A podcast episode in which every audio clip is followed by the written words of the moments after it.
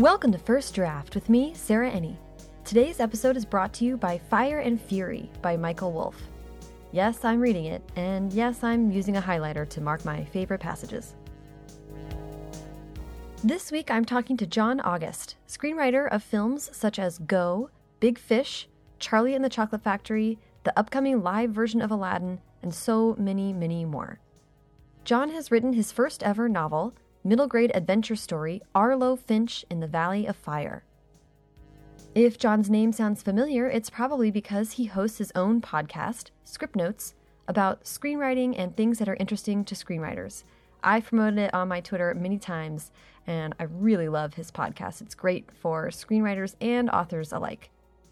And to go along with the release of his book, John started a new podcast called Launch that documents his transition to full fledged author and follows the stages of a book going from a Word document to actual stores.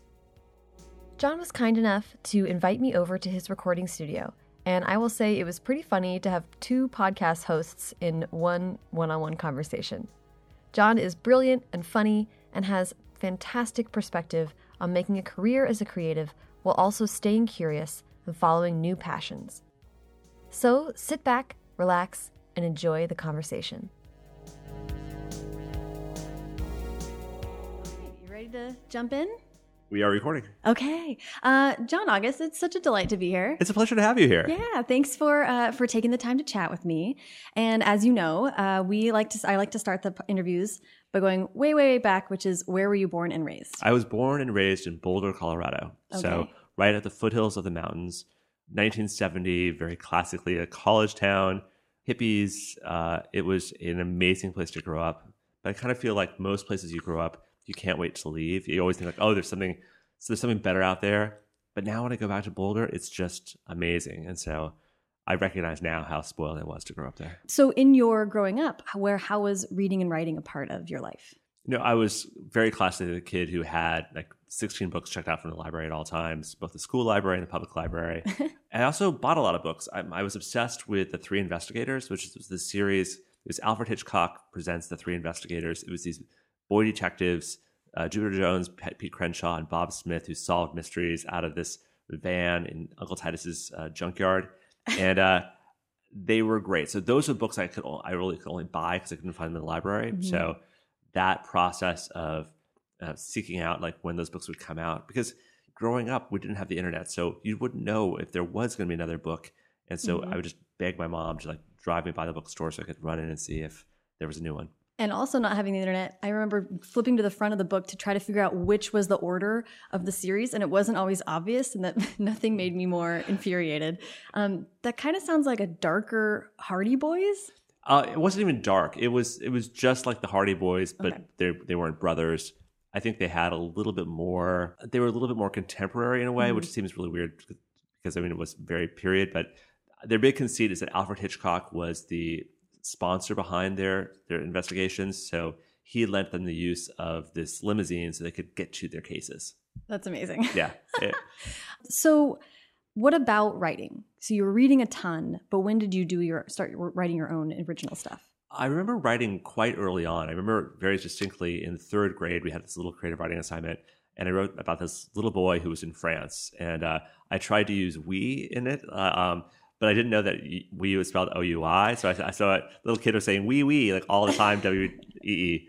So I was always sort of obsessed with like being able to do the things that I saw out there. And so I would, you know, see some kid had built this amazing Lego thing, like, well, I want to build that Lego thing. Mm. Or I would see that it was possible to write a book or a story, and so I would try to write that stuff. So even through grade school, I had started writing some fiction. Then in junior high and into high school, I was more towards journalism. So I ended up running the school newspaper, and I ended up going to college to get a journalism degree. All the time, I was still writing some fiction, but I sort of thought journalism was like the thing you could actually do to get paid money. Yeah, that's that's exactly what I did Uh-huh. actually. So for undergrad, were you at USC? No, I was undergrad in uh, at Drake in Des Moines, Iowa. Got it. So I had a good journalism school. It was the only place I applied. Got out there. It was terrific. But about halfway through my time at Drake, this sounds incredibly naive, but I realized that movies were written. Um, before that time, I just sort of saw that movies that came out or like a director just made a movie. Yeah. And again, this is pre-internet, so it was harder to find information. The only way I could find it out about movies was to read Premiere Magazine, was the the monthly publication. And I started like, oh yeah, there are screenwriters. There's like Nora Ephron is a, a person who writes screenplays. So once I found out that screenplays were really written, that there was a job to like write movies, I said, well, I want to do that. So I did a summer program at Stanford about filmmaking overall. Then I applied to and got into USC for film school, graduate school after I finished up at Drake. Okay, so you did the whole journalism thing, and then Yeah. um, that's so interesting. And actually, I'm not surprised by that at all because I often, I, I personally feel that way about movies, and it took me longer with movies because something about watching something on the big screen, it feels so permanent and like it's always been this thing. And a lot of people I know I talk to are. Um, it takes them a long time to realize that books, you know, books seem like this ephemeral, wonderful, like coming from the sky type of thing. And then when you realize people actually write them, it's like a watershed moment. Well, I do remember in grade school we had an author visit. So this uh, woman uh, had written a book about her her relationship with her seeing eye dog. She was a, a blind writer who'd written about that, and so I was amazed because she was this you know blind woman with a cool dog, but also because she'd written a book, and it was the, one of the first people I'd ever met who actually wrote a book, and like you could pick up her book on the shelf, like oh, that's the woman who wrote that, and I think we do a pretty good job of letting kids know that um, books are written, that there's a person behind that. You see the, the name of the writer on the cover of the book, but you don't see the name of the writer on a movie. And so, therefore, you might assume that the, the movie was never written, or that there was a form of that movie before it showed up on your screen. There's a lot of op- opacity to how screenwriters are still Yes, even understood, now. Yes. which is kind of wild. So, in the middle of undergrad, you realize films are where it's at. What was the pull to that as a medium over other mediums? You know, I, I loved movies. I loved the kinds of things characters could do in movies. Again, it was that sense of like someone gets to do that job. I want to see what it's like to do that job. One of the first things I tried doing once I realized like, oh, there's a script. I, I, I sort of read some scripts. Like the only book I could really find uh, in Iowa was Steven Soderbergh for Sex, Lies, and Videotape. He published a production journal that also had the full script of the movie. And so I remember like getting the VHS tape of Sex, Lies, and Videotape and reading through the script like while I was watching. Like, oh wow, everything I see on screen is actually reflected here on the page. And that was like a revelation. That's And like your 101. It was my 101. and so one of the first things I did is that there was an episode of Star Trek The Next Generation, and I basically just transcribed it and sort of saw like, okay, what would this look like as a script? And I wasn't writing fan fiction, I was literally just sort of transcribing it. But I got a sense like, oh, this is what the format feels like. It's weird because, again, in high school, we read plays, and that's close to what screenplays are, but it, screenplays also are describing everything else that happens in a movie in a way that plays don't do and to see what that would feel like on the page was was great. So I got very eager to try to you know do my own things. I got through ten pages of trying to adapt "Their Eyes Were Watching God" by Zora Neale Hurston, and uh, uh, but That's eventually, not, not an easy. no, that, no, come on, like you know, why, not- why not start with a nice easy book like That's that? That's really setting a pretty high bar for yourself. Uh, but you know, once I got out to LA and could actually read a ton of scripts, and there was a real script library, I could say, "Oh, okay, this is what the form is like. This is what you can do," and you start to recognize the real possibilities of how much you can describe the world of a movie just on a page. I mean, that's lovely. And also, kind of, you know, I'm looking for like the seeds of coming back to writing fiction, and they're all in that description. You're talking about setting the stage and really the power you have as a screenwriter to create that whole Yeah. world is really important.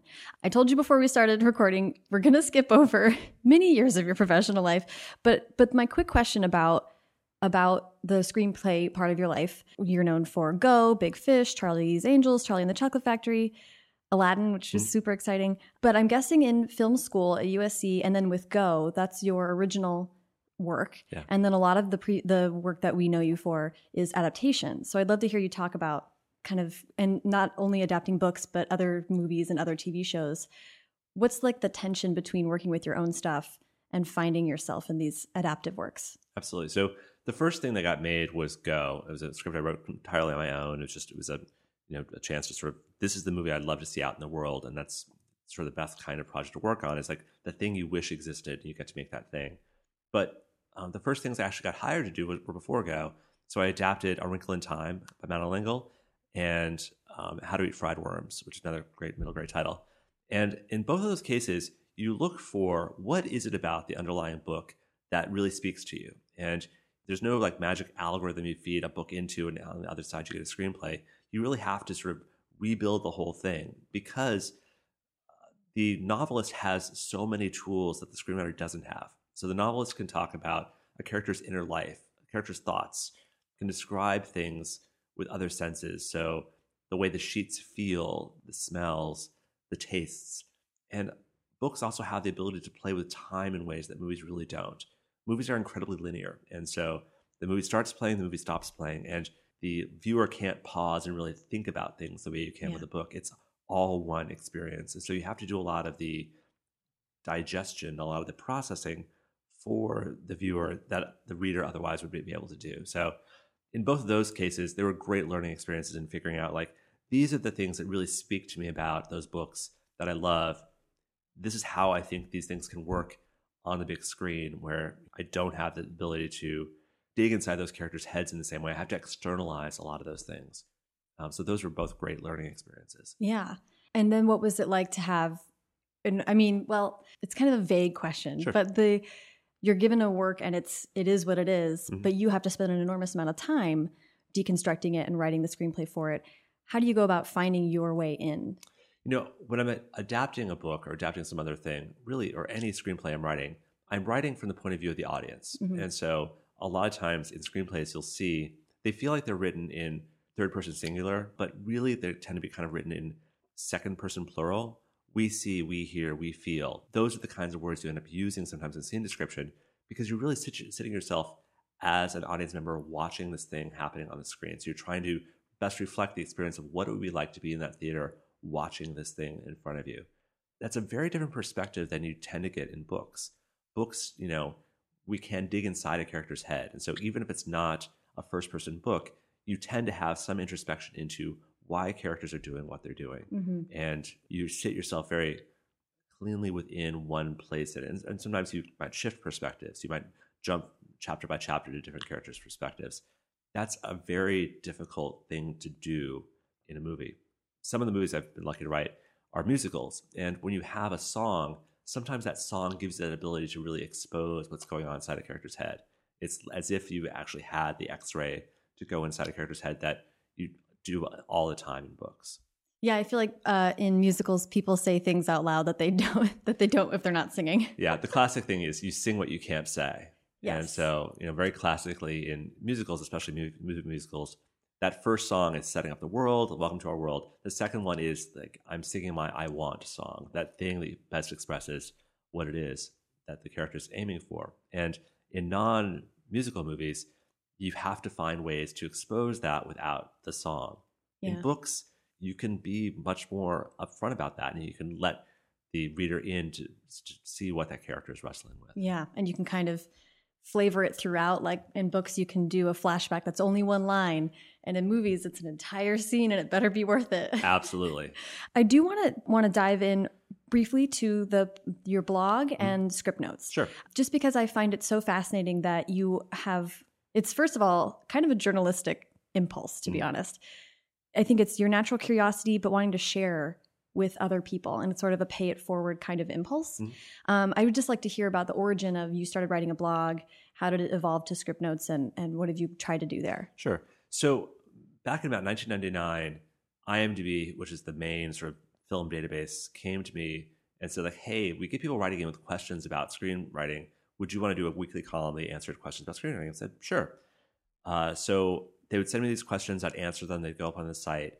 But then I'd start getting the same questions again and again because it was a weirdly terrible system for like being able to search back answers. So it, I took it still is. It, it really still is.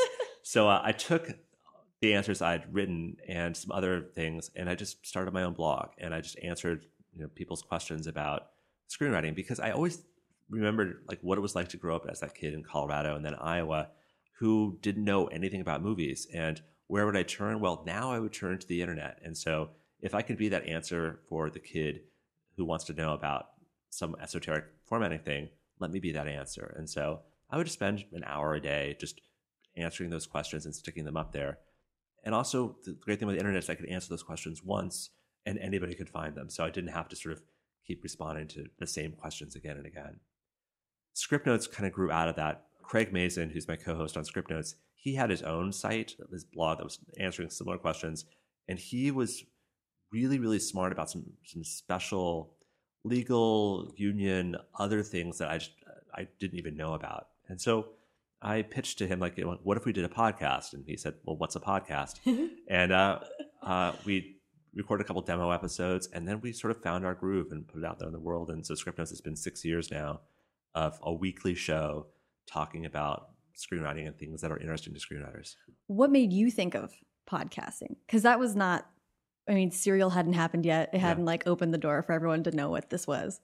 Again, it's very classically, I saw somebody else doing something that I thought was cool and I wanted to do it. and so I started listening to a lot of tech podcasts mm-hmm. on 5by5, uh, John Gruber's show um, about Macintosh stuff. Whenever I see somebody else having fun, I kind of want to have fun with them. And so, uh, I just figured out what it was like. And it also reminded me a lot of the early days of the internet. Like when I was first building the johnaugust.com site, uh, it was a really manual process. There weren't even RSS feeds. Like you were wow. you were still building stuff out and you're editing text files and uploading them to a server. It was really a brutal manual process. Yeah. And uh, early days of podcasting were kind of like that too. And so more tools have come up and it's been weird now to do a new podcast that is happening in 2018 where all the expectations and technologies are so different. Yeah, there's a lot more infrastructure now. But even I started mine in 2014, which is when it kind yeah. of really started blowing up. I've recently had people ask about about this, how do you get what started and I really don't want to do technical stuff and I was like, well, you kind of just have to. Yeah, there's still there's always going to be some technical stuff. It's yeah. like, you know, making a movie. There's always going to be some technical stuff to it. You can abstract away certain kinds of things like the hosting used to be a lot more complicated. Right. Um, some other things used to be more complicated, but some stuff is just the nature of the beast. You still got to learn about mics. Yes, absolutely. Even though that's not, you know, for creative people, we don't always want to get in there, but uh, you got to do it. Um, okay, so let's transition to talking about um, Arlo Finch. Great. I'm going to ask you about moving to books first, and then I'll have you pitch Arlo specifically. Sure. And I'm going to quote you to you really quick. You wrote a blog post about writing the book, and in there you said screenplays are transitional documents, plans for making the real thing Novels, however, are the real things. They're permanent in a way screenplays can never be. And you also said that you've estimated you've probably written between 30 to 50 screenplays, yeah. which is no small feat. I just really wanted to ask or hear about the tension of loving screenwriting. Yeah. Even though you feel the pull towards the permanence that comes with a final product or a book. Yeah, things I love about screenwriting. I love the sense that you are working with a group of people to make something. And as the screenwriter, you're one of the very first people there showing up with, like, okay, let's put on a show. I'll get the script together and then we'll gather all these things up and we'll be able to make something really cool. And when the movies turn out great, it's an incredible experience because all these people came together to make something that no one individually could have made. The frustration is that so much of the work a screenwriter does never gets seen, even if the movie comes out but even of the projects I've made, I, you know, I've been lucky to have maybe 10, 12 movies made. A lot of movies I've written have never been made. And so they get stuck It's sort of in 12 point courier sitting on a shelf somewhere. And that's really frustrating to spend a year of my life, two years of my life, and not have anything to show for it. So as a screenwriter, I get paid well to do that work, which is great. But uh, I, I, want people to be able to, to read what I wrote, and there's just no way for the people to read what I wrote. So I think part of the instinct of doing a book was whether it's a huge hit or whether it's just you know sells five copies those five copies are really the thing and someone can pick up that book and read exactly what i wrote if there's something to like your mom and dad yeah can put a book on their shelf and like or the coffee table to obnoxiously yeah. tell their friends when they come you know like there's something about that that is feels more real and yeah. i actually don't know how this works with movies um so my mom has posters of my movies up on her wall, which is just crazy because, like, you know, why does she have a poster for Go on her wall? Like, she, like you know, Timothy Olyphant, yeah, a big yeah, fan of. Absolutely, yeah. Um, so, uh, yeah, uh, but there is something about the book that just feels like that was the finished thing. And the great thing about movies is that they're collaborative. The terrible thing about movies is that they are collaborative, and there's there's compromises you have to make mm-hmm. because mm-hmm. you know everything is a process of getting the best version you can get to it. And so, I could spend, you know, days working on one scene to get it exactly the way I wanted it. And then because of something, they just shoot it in a very different way or it gets dropped out of the movie. And at least with a book, every comma is there because I want that comma to be there. And that is really different for a screenwriter. Yeah, it, it's a, a, joy to me to talk Yeah. to screenwriters and say, well, editor notes aren't like studio notes. Yeah. I don't have to take them and to see their faces like the yearning. Yes. like I can say, no, I really thought about this and I really do think that this comma needs to be there. Mhm. And then that's just like, okay, Absolutely. it's your book. So I just got my editor notes on the second Arlo Finch, and it is a very different process because like there's obviously a ton of work to do because there's always a ton of work to do, but it's not a question of like if I don't do this work, then you know it, it all blows up and blows away. Like Right. it, it ultimately is my choice, sort of what things are going to need to happen, and so it's how do I take these notes and sort of use them to make the best book, rather than how do I take these notes and change my vision so it'll be something that they'll actually want to shoot yeah. and that is a, a frustratingly a large part of a, of a screenwriter's job is that psychological dance of like why are they giving me this note what's behind this note how do i both do this note and sort of not do the note the way they want me to do it so that i can actually sort of protect this thing i've tried to build Right. It, I mean, it also, we're talking about a difference in motivation as well. You're oh saying completely getting your notes and from, for a book, it's all about serving what you really have always wanted the book to be, Yeah. as opposed to, like you said, letting down a whole team of people. yeah Did you feel like that changed your work habit with it at all, or you know like a lot of writers i want to be a good kid i want to be the kid who gets like the your the- gold star? I want I want my gold star. Um, so there's always going to be an aspect of being a teacher pleaser that I, I want to sort of be like, oh, John not only tried really hard, he really nailed it here. Like, good job, John. I'm probably a little bit less of that as I've gotten older and I've gotten a little more confident. But all the same, I want my editor Connie Hsu to be incredibly happy and proud of this book, and so therefore, I will do whatever I can do to sort of get the book to the place where we're both incredibly excited about sort of what this is. And it it is the final thing, and it is only your yes, thing. absolutely. So you know, it's all the credit, but also all the blame. Yeah. And so if there's something that is not great, I can't point to somebody else and say like, "Oh, well, it was better than the script." Right. Uh, this is the whole thing, and Yeah. so um, I have to really be able to stand by all those words. which is very motivating. Yes. in the dark, dark times. Yeah. Um, so uh, I would love for, to hear from you just a quick pitch for Arlo. The quick pitch Arlo Finch is a 12 year old boy who moves to the mountains of Colorado, a little town called Pine Mountain. It's a made up town. It's where his mom grew up, it's where his uncle Wade lives. Uh, he moves there with his sister JC, who's about to turn 16. And uh, we find out backstory about sort of why they've had to move around a lot and why they've ended up in this town. He ends up joining the, up with the Rangers, which is the local equivalent of the Scouts. He meets two good friends, Indra and Wu, uh, and quickly learns that the Rangers can do some pretty amazing things because the woods outside their town are magical, and they back up to a place called the Longwoods, which is sort of an extra dimensional uh, place of wonder, and uh, adventure ensues. Yeah. Um, and I'm going to ask a series of questions and attempt to not spoil anything. Right. But so pull me back if we're going too far. Well, first, I, I do just want to start with what what inspired the book. Obviously, going back to Colorado in some ways. Yeah, so I, in my youth, the times where I wasn't reading a book, I was busy in scouts, and so I, I'm an Eagle Scout. I went from uh, Cub Scouts to Webelos, um, all the way up through Boy Scouts. Wow. it was an incredibly important part of my life. And so every month we were out in the woods camping. Um, I was, you know, doing stuff with knives and building fires. And I had a very surprisingly unsupervised childhood by modern standards. And so it was great. And again, while you're in it, you don't necessarily recognize how great it was, but I was incredibly lucky to have that much freedom to sort of run around and, and do the stuff that I was able to do. Um, so I knew in the back of my head that at some point I would write about that experience. And I didn't necessarily want to write it as the period, like sort Mhm. of what it was like then, but I knew I wanted to write about what it was emotionally like to be that kid in that experience. And I also had a sense that I would want to push it into the fantasy realm. So my real experience, but you know, but there's some magic stuff that happens as well. It wasn't until I talked with Kenneth Oppel, who is a middle grade fiction writer who wrote this book called The Nest, and I'd been sent the book to adapt Mhm. and see if I wanted to to work on it. I had a great phone call with him, and during the course of that phone call, he really sort of taught me about middle grade fiction and disabused me of my notions about sort of what the limitations were of middle grade fiction. And I realized that this sort of vague idea I had for a long time about writing this thing, oh, that actually is a middle grade book, and I don't have to worry about like dumbing it down or kidding it up. Like it really can uh, fit in this nice space. that an 8 to 12 year old can read, but an adult can read too. And it can sort of be a broader book.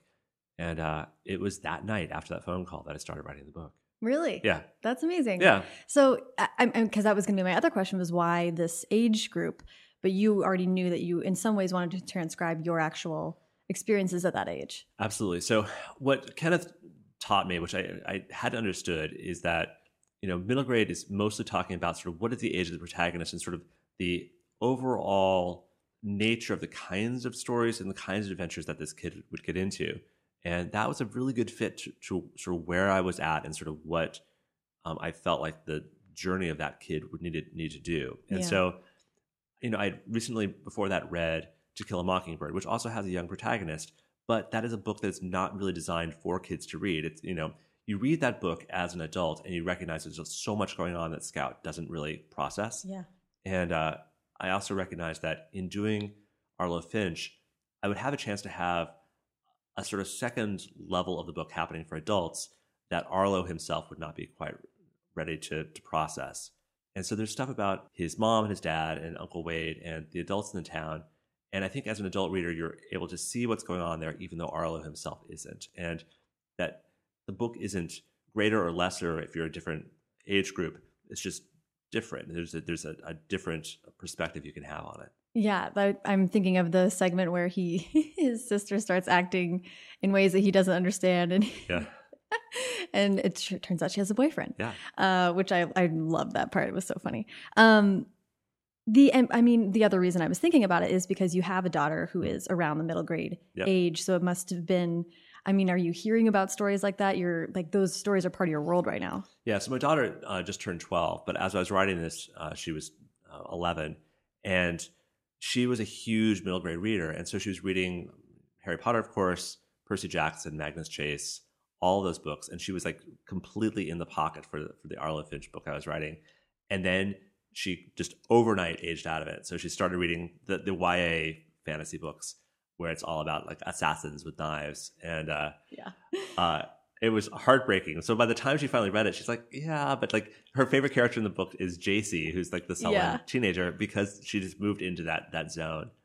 But I I think it was important to have her be around in my life for these last couple of years, and really to see what her relationship was like to these books that she loved and would read again and again, because she fully sort of got into them to the sense of like, you know, I wonder if I'm related to a to a you know Egyptian god, like you know, Right, uh, right. The way that young readers identify with characters is so specific and so true, and uh, so I wanted to make sure that with Arlo Finch, I was giving good handholds for uh, readers to sort of grab into the characters that they wanted to identify with. Yeah, that's making me think of like when you're 11 and you're like, "Will my letter for Hogwarts arrive?" or these other heartbreaking Yeah, absolutely. for young readers. Well, I think there's uh, kids that age want to believe the world is magical. I mean, they may have just gotten through um, Easter Bunny and Santa Claus stuff, but they still want to believe that there's a mystery out there, that there's something out there that's bigger than that. There's a sense of destiny, there's a sense of purpose. yeah, And that as they're trying to order these things, uh, it's natural that they go to these sort of middle grade fantasy novels to help them process what that's like. Yeah. And I think the other benefit that you must have gotten from your daughter is just that you have proximity to an actual middle grade person Yeah. where they are at in their development and where how wh- what is believable for them to act. A friend and I were just talking about Game of Thrones the other day. Yeah. Love those books. But Arya's like eight when the books Yeah. start, and it's just like George, buddy, get a grandkid. Like, like where are you? Um, so it's really helpful to have people who are around kids Mhm. writing for kids because it, when you- watch the CW and you think that those people are teenagers, like no, that's Yeah, a skewed. That's no, that's no one's teenager. um, yeah, I'll say that, uh, especially in YA, I think there's a, a sense of aspirational. So, like, even if they're supposed to be 14, they're acting like they're 18 because everyone's sort of aspiring up to that Mhm. age. With this, with middle grade, it was great to be able to see my daughter's friends and sort of all the, the drama that happens and how important the drama is that happens at that age and the nature of it and the, way that you can feel slighted or left out and all those little things. I had my memories of them, but Mhm. to be able to see them in real time was really important too. and how emotional they are. Yeah. I think when you're looking back, it's easy to be like, well, it wasn't a big deal in the end. And but in the moment, I loved Arlo and his friends and how the little subtleties of their interactions were really important and lasting for Yeah. for all of them. Yeah. I want to talk to you about the magic because something that I really loved about this book was how successfully you went from telling a contemporary story to incorporating the magical elements. That's so tricky to do and to make it believable and interesting and and to excuse away why the rest of the world wouldn't know it and to kind of address all these lo- logistical issues. Um, I thought it was done extremely well. Thank you. Yeah. How did you uh, How did you approach that? What did you think about that? Well, when I talk to folks who didn't grow up in scouts or didn't grow up in the you know, the mountains, there's a lot of things they say like, oh, that couldn't possibly be real. So, for instance, like we grew up and we go snow caving, which is where you, you dig snow caves rather than tents. You actually dig snow caves and you sleep in snow caves. Or um, I can build fires really well. I can build fires with flint and steel. I can do all that kind of stuff.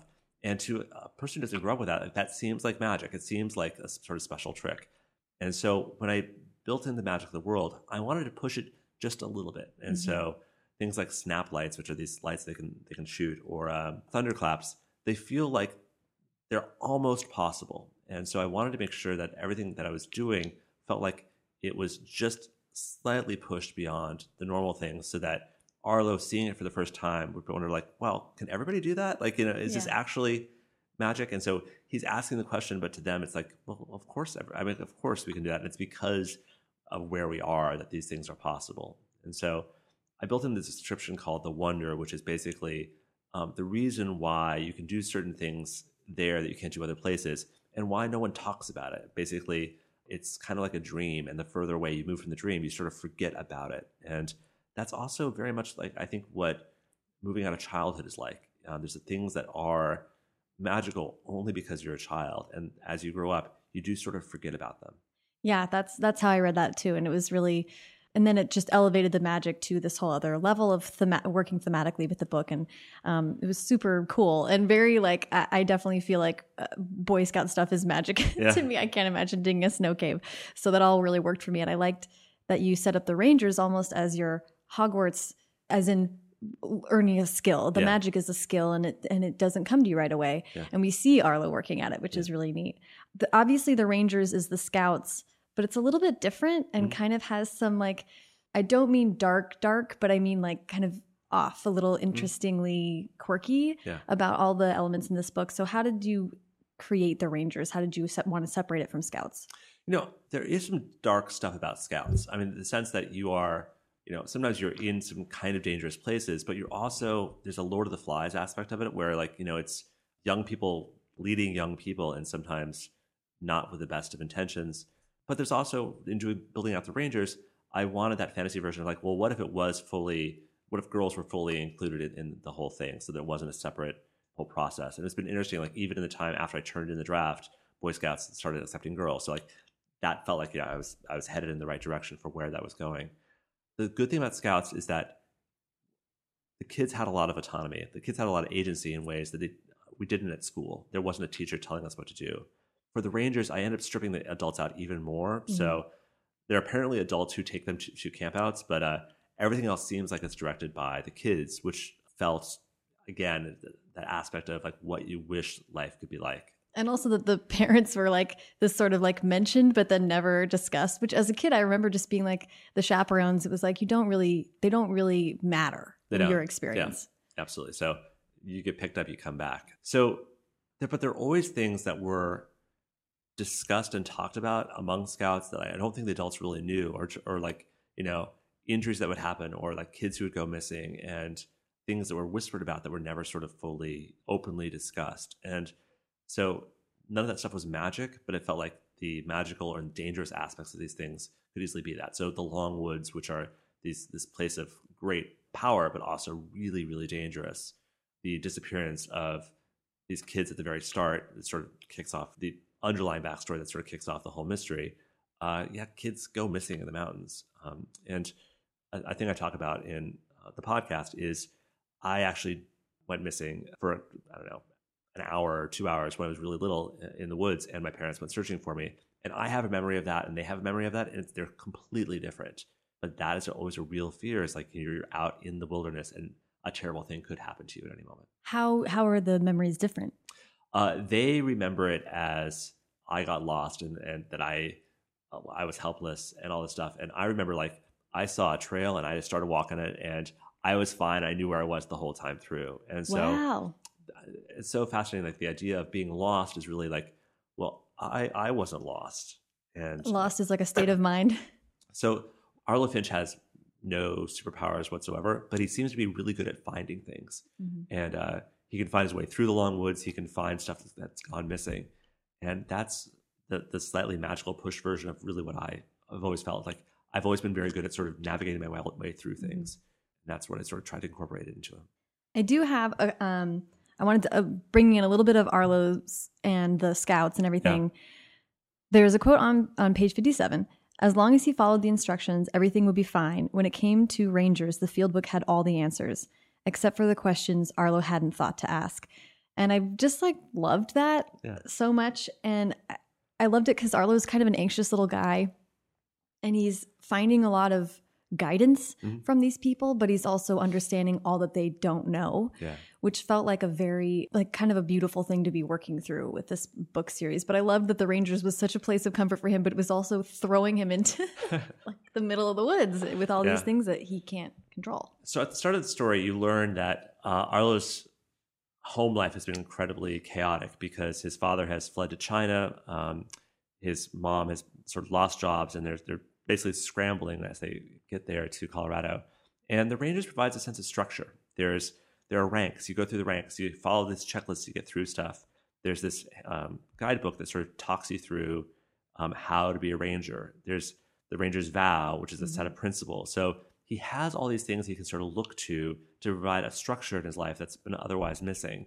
But at the same time, you recognize that there's things that are even beyond that, that there's uh, mysteries that it doesn't seem to be addressing, or Mhm. things that are deliberately being kept from him. And that is the tension is, you know, I think I figured out this part of it, but there's obviously clearly so much more that no one's telling me yet.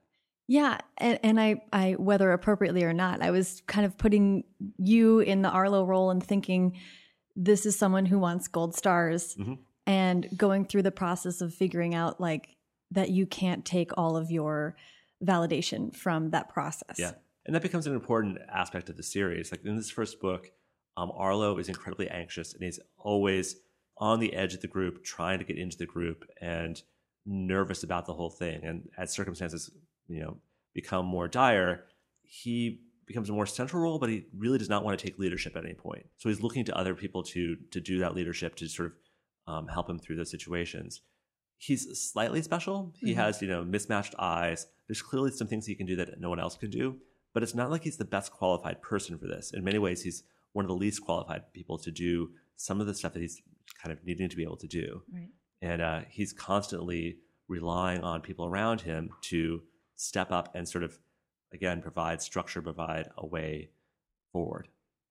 gonna or the people in charge yeah i don't Yeah. it, it was just like basically this is just me saying it was really well done you, and i you. thought it was great um, and i'm really excited to see how that kind of evolves over Yeah. the next couple of books because it seems like you're really setting up uh, a great space for arlo to figure to assert himself um, which is always so fun in middle grade for that moment um, the the thing that also i thought was really successful in the in the book um, and i'm interested to hear from a screenwriting standpoint is conveying emotion Mhm.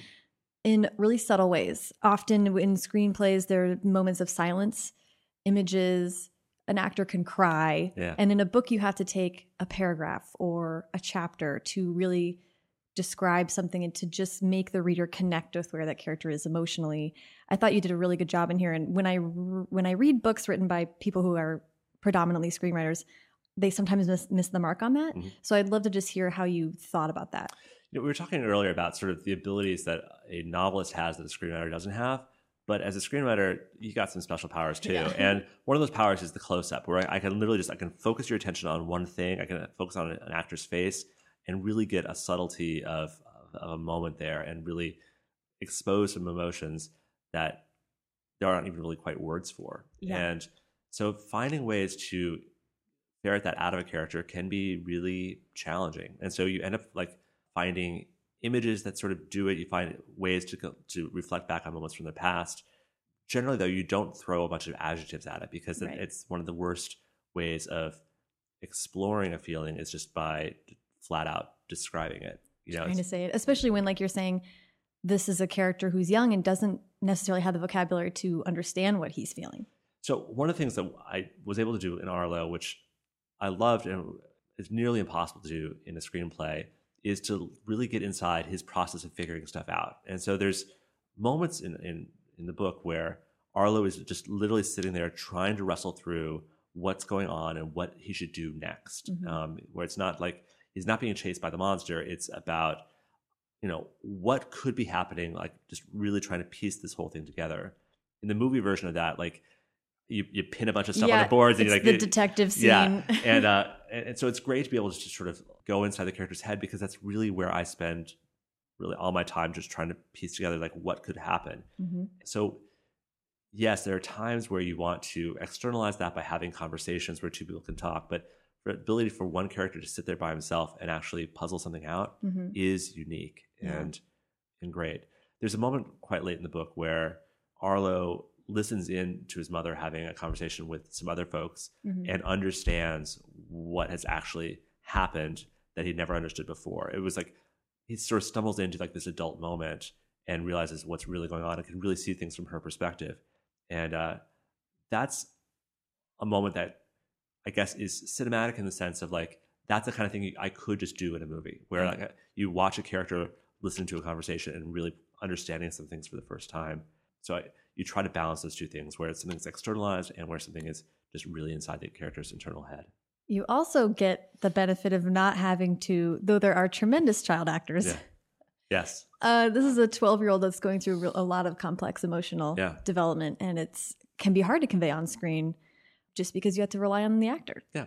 This last year, I, I watched Call Me By Your Name, which I thought was fantastic. And then I read the book. Mhm. And they tell essentially the same story, largely the same story, except the book, of course, has introspection in Elio's character's head. And so one of the things that I thought the movie did brilliantly is uh, without a voiceover to expose as much as they could about sort of what was actually happening inside his head. Mhm. And it's not the same. Like you, you can't do the same things, but it did a great job of trying to reflect that inner mental state through external ways.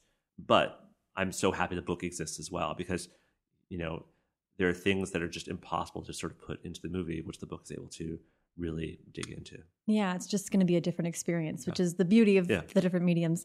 Um, okay, last question about this is just Paris Yes. and writing the book in Paris. I would love to just hear you talk about um, living abroad and how that change of scenery and pace and place helped or hindered the creative process. It was like everything new for you all at, all at once. So I started writing the book in Austin, Texas, um, and I wrote the first six chapters here in Los Angeles. But when we sold the book, I had already planned to go to Paris for a year, and so I ended up writing the bulk of the book while I was in Paris, and the bulk of the second book too, which was weird. I mean, it's weird to be writing a story about the mountains of Colorado while you're in Paris. It feels like, well, why aren't you writing about Paris? I guess what was good is that while I was in Paris, I was completely out of my comfort zone entirely, and so it was nice to be able to retreat into something very familiar, which is my childhood largely, Mhm. and be in this sort of fantasy world, you know, for a couple hours a day as I was doing my work. One of the things I hadn't anticipated is we moved to Paris uh, at the end of the summer. It was incredibly hot, and so we're in this apartment with no air conditioning, and so it's like 90 degrees, 95 degrees, Oh, no. and I'm trying to write all these winter scenes. I'm trying to write the Alpine Derby. So uh, one of the things I discovered, which I tip I'd, I'd point on to any of your other writers who are listening, is on YouTube they have these 12 hour tracks of nature sounds, and so I found like a winter storm, and so I'd put that on in headphones, and like I'd have a winter storm playing in the background, and it really helps you remember what it feels like to be cold, to be you know in those icy situations, and uh, that was a godsend. That's that's such a good Yeah. good trick. I, I, I wonder if you felt like this too. I wrote um, when I was working in a cubicle in Washington D.C. Yeah. and missing my California home. I went. It felt like this. I mean, this is kind of what you're describing. This deep comfort. I wrote a book in set in Santa Cruz, which is where we would do skip days in high Yeah. school, and I was just trying to get back to that feeling of when I was that happy when I was in this place that was not where I was meant to be. Absolutely. And you don't always get into flow where like you're, you're you've just like you stop realizing that you're writing where it's just actually sort of coming out. But you do as much as you can to sort of make it possible to get into those moments. And so where you really feel like, okay, I, I'm back in this place and I'm describing what I'm seeing around me. Yeah. That is something that is similar to screenwriting is that in both kinds of writing, you really are you're sitting yourself inside the scene and sort of watching what happens. Mhm. And a difference though with screenwriting is that scenes in, in movies tend to be pretty short. And so what I can often do is just like sit and think and like listen to the, the dialogue and like figure it all uh, uh, and just sort of loops through. And eventually I, I, quickly scribble it all down and I can sort of get through a scene that way. Chapters are so long that you just can't do that. You could, you're really just figuring out a sense at a time, sort of how you're getting through this, yeah. this beast. And um, that was the thing I wasn't quite ready for when I started. Like just because every sentence could go in a thousand different directions, it was much more exhausting to sort of corral them and make them, you know, tell exactly the story I wanted to tell versus where they wanted to go.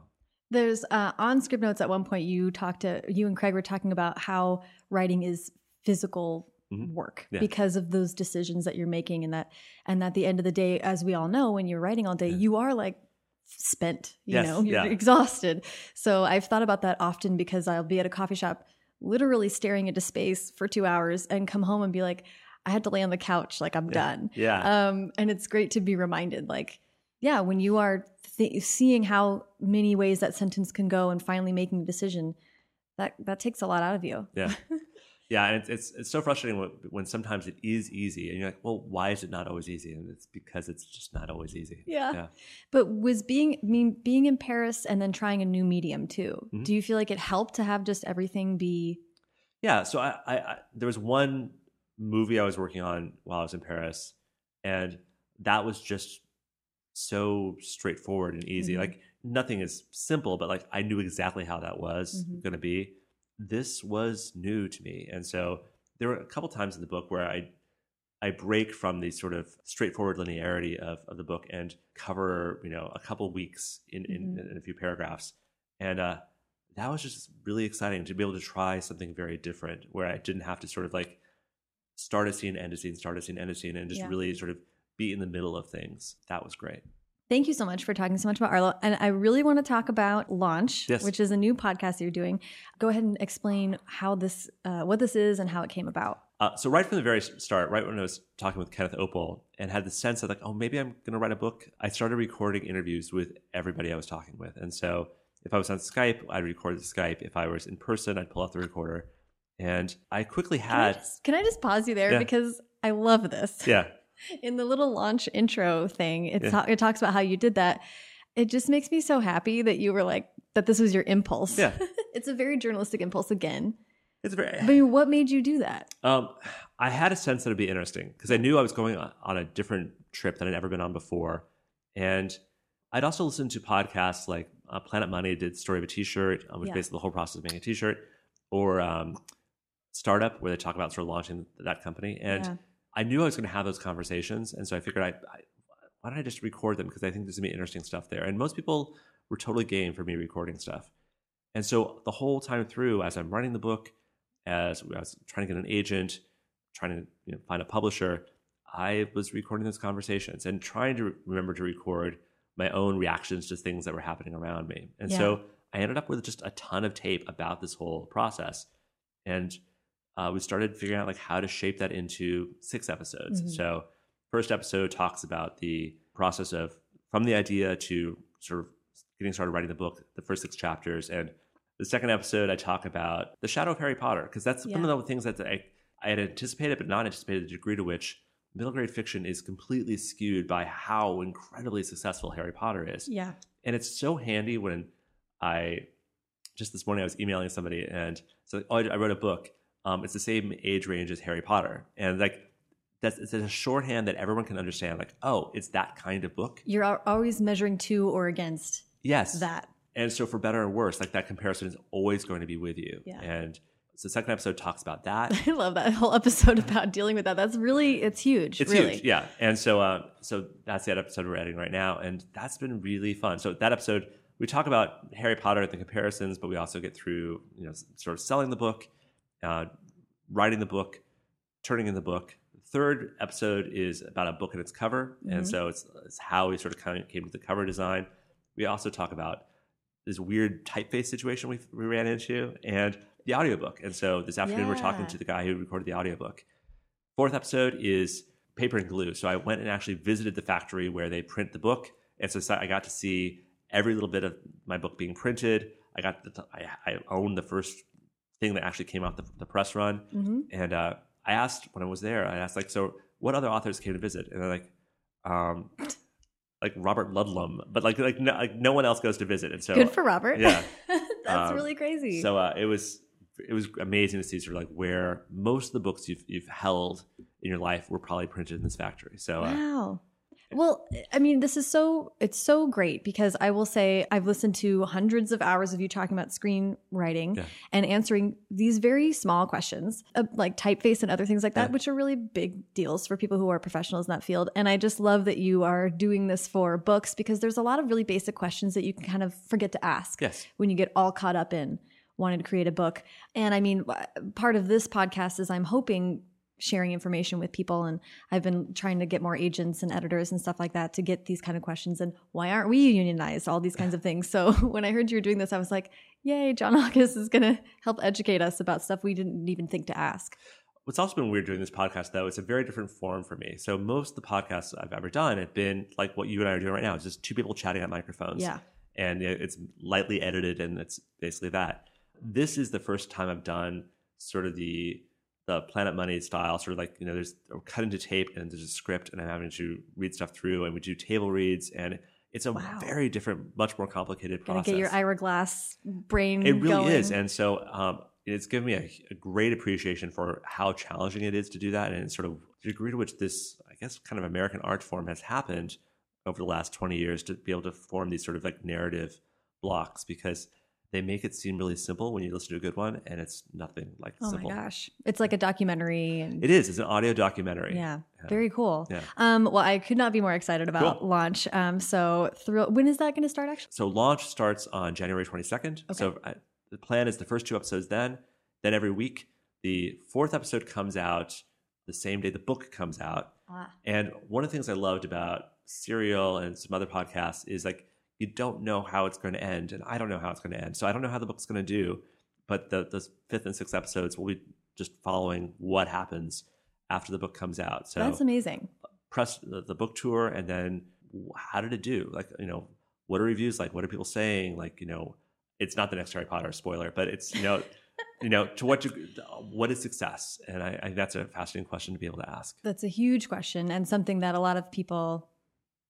I'm like, we can talk about this off mic as well. but there's a lot of conversations that I mean, authors talk to each other about this. Oh, yeah. How do you become a prof- how do you come, become and continue to be a professional author when metrics change? Uh, barometers of success are really hard to navigate, Yeah. and book publishing is there's not the transparency like there is with movies. We don't know how much people get paid. We don't know how book. We don't even have good numbers on sales, to be Yeah. honest. So it's the New York Times uh, bestseller list doesn't like tell you how they No. work their magic. So there's a well lot of what- what's weird though is like there is transparency on some things. So like goodreads is kind of transparent. You can see how many people are reading your book and how many people are rating your book and that's clearly important for that community. To what degree does that reflect what's happening in the world versus you know change what's happening in the world? I don't know. Yeah, it's a self-selected barometer. People Yeah. who care enough about books to go the internet to go yes. to the Venn diagram crossover of both. yeah. That's a small number, but but we need them. The the other, I mean, and this will will loop this into advice because, and that's how we wrap up the episodes. It also seems to me like you're remarkably sane for someone who has a first book coming out because that's sort of notoriously a really intense thing to happen in a life. Yeah. Um, but also, you are working on a ton of stuff all the time. Yeah. So it seems like perhaps you are more sane because you have a lot of uh, things you're juggling, and that kind of keeps you going forward. You know, I think it's it's my first book, but it's not my first rodeo in the sense of mm-hmm. like I've I've had sort of projects come out in the world, and so while I have a tremendous amount emotionally invested in this, those emotional investments in other things beforehand, so I know sort of like I know the heartbreak and I know the success, and so I, I think I'm equally prepared for both of them. If it was my first book and I never had sort of anything else out there in the world, a lot more of my identity might be wrapped up in, in it. With this, I, I know how lucky I am to have this book coming out and how proud I am of it but I'm also happy and proud of like my family and other things I do. So it's uh, it's not everything to me at this moment. moment. Yeah, that's that's a really astute way of putting it. It is a lot of identity, and Yeah. that's where the crushing disappointment comes in. Uh, if you don't have other things that are equally important to you. Um, so, like I said, we wrap up with advice. I would just love to hear just some general advice. I mean, there's too many different specific Mhm. ways I could ask you to give advice, and you have three, four hundred hours of advice on Scriptnotes already. Um, but as a middle grade writer, what is advice to other aspiring writers? I would say that I used to beat myself up about my bad habits. And as I got older, I just started to recognize them as my habits. It's just the way I work. And so I don't label them as good or bad. It's just sort of the way that things tend to end up happening. So I still do sort of get into that moment of like where it's finals or it's like, you know, I'm behind and I have to scramble to get stuff done. Okay, that happens. Um, I think I learned in fiction is that I can power through the end of a script. You can't power through a novel. There's just too many words. And Yeah. so I, yeah, I have to sort of like step back and recognize like it's just going to take time. Like it's it literally is just hours at the keyboard Mm. writing stuff. But those hours I find are much better spent in sprints. And so um, I will announce on Twitter that I'm, I'm doing a writing sprint at the top of the hour. And for the 60 minutes, I'm only writing. I'm not checking Twitter. I'm not doing anything else. I'm only writing. And then it's the timer goes off. I'm up from the keyboard and I'm doing other stuff. Um, I'll do another one of those later on in the day. But you know, sort of intense focus for limited periods of time tends to be much more productive for me than just banging my head against the, the monitor the whole day.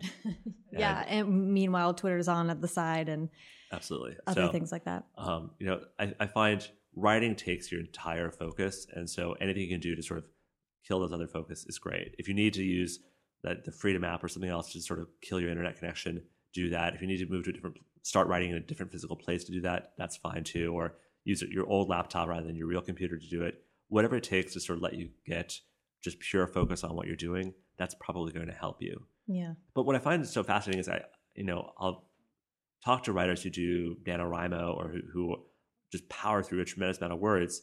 And I think they're under the assumption that like all professional writers do that and they don't. And so when you talk to other writers who have a bunch of books out, like if I get a thousand words done in a day, that's a great day. Mhm. And so I give yourself permission to sort of do enough. Um, but if you didn't, you know, hit your peak word count goal, that's fine too. Well, I like, I, I mean, I love what you're saying about habits and not saying good habits or bad habits, right? Guilty pleasure. We're like, Yeah. no, no, Yeah. we don't need to do that anymore. Um, so your, your productivity, is- that just is what it is, your Yeah. process. Yeah. Um, I really love that. Do you think you'll write more books? Well, I'm running the next two Arlo Finches. You know, I really, I, I've loved it. It's, it's a lot of work. Mhm. Um, I'll keep writing movies, but I do have some things I want to write that are some stuff that's in the, the middle grade space and some stuff that's not. So uh, I think I will. I'll keep doing it. Yay. Yeah. Well, it's, we're, we're so happy to have you in, in book world. Wonderful. Thank you very much. Thank you so much, John. This is awesome. Thanks. Yay.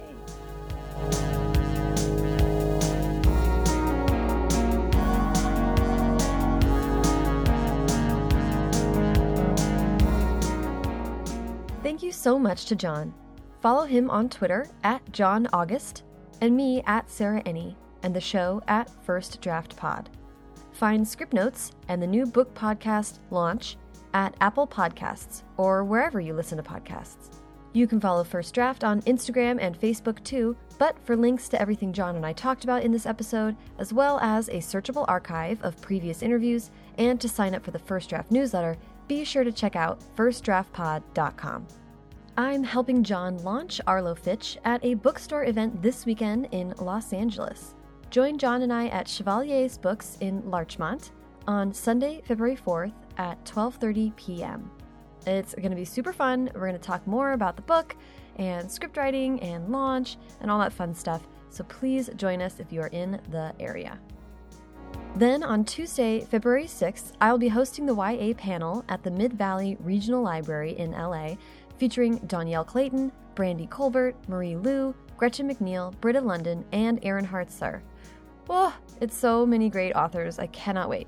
The event will be from 6 to 7 p.m., with signing from 7 to 8 p.m. And again, that's at the Mid Valley Regional Library. And these and all other events are listed at firstdraftpod.com. If you like what you heard, please leave a rating or review on iTunes. Every five star review makes me want to earn some unusual scout badges and take off for a Yeti hunt. Thanks to Hash Brown for the theme song, and to Colin Keith and Maureen Gu for the logos. Thanks to super intern Carter Elwood and transcriptionist at large Julie Anderson. And as ever, thanks to you, adventuring souls, for listening.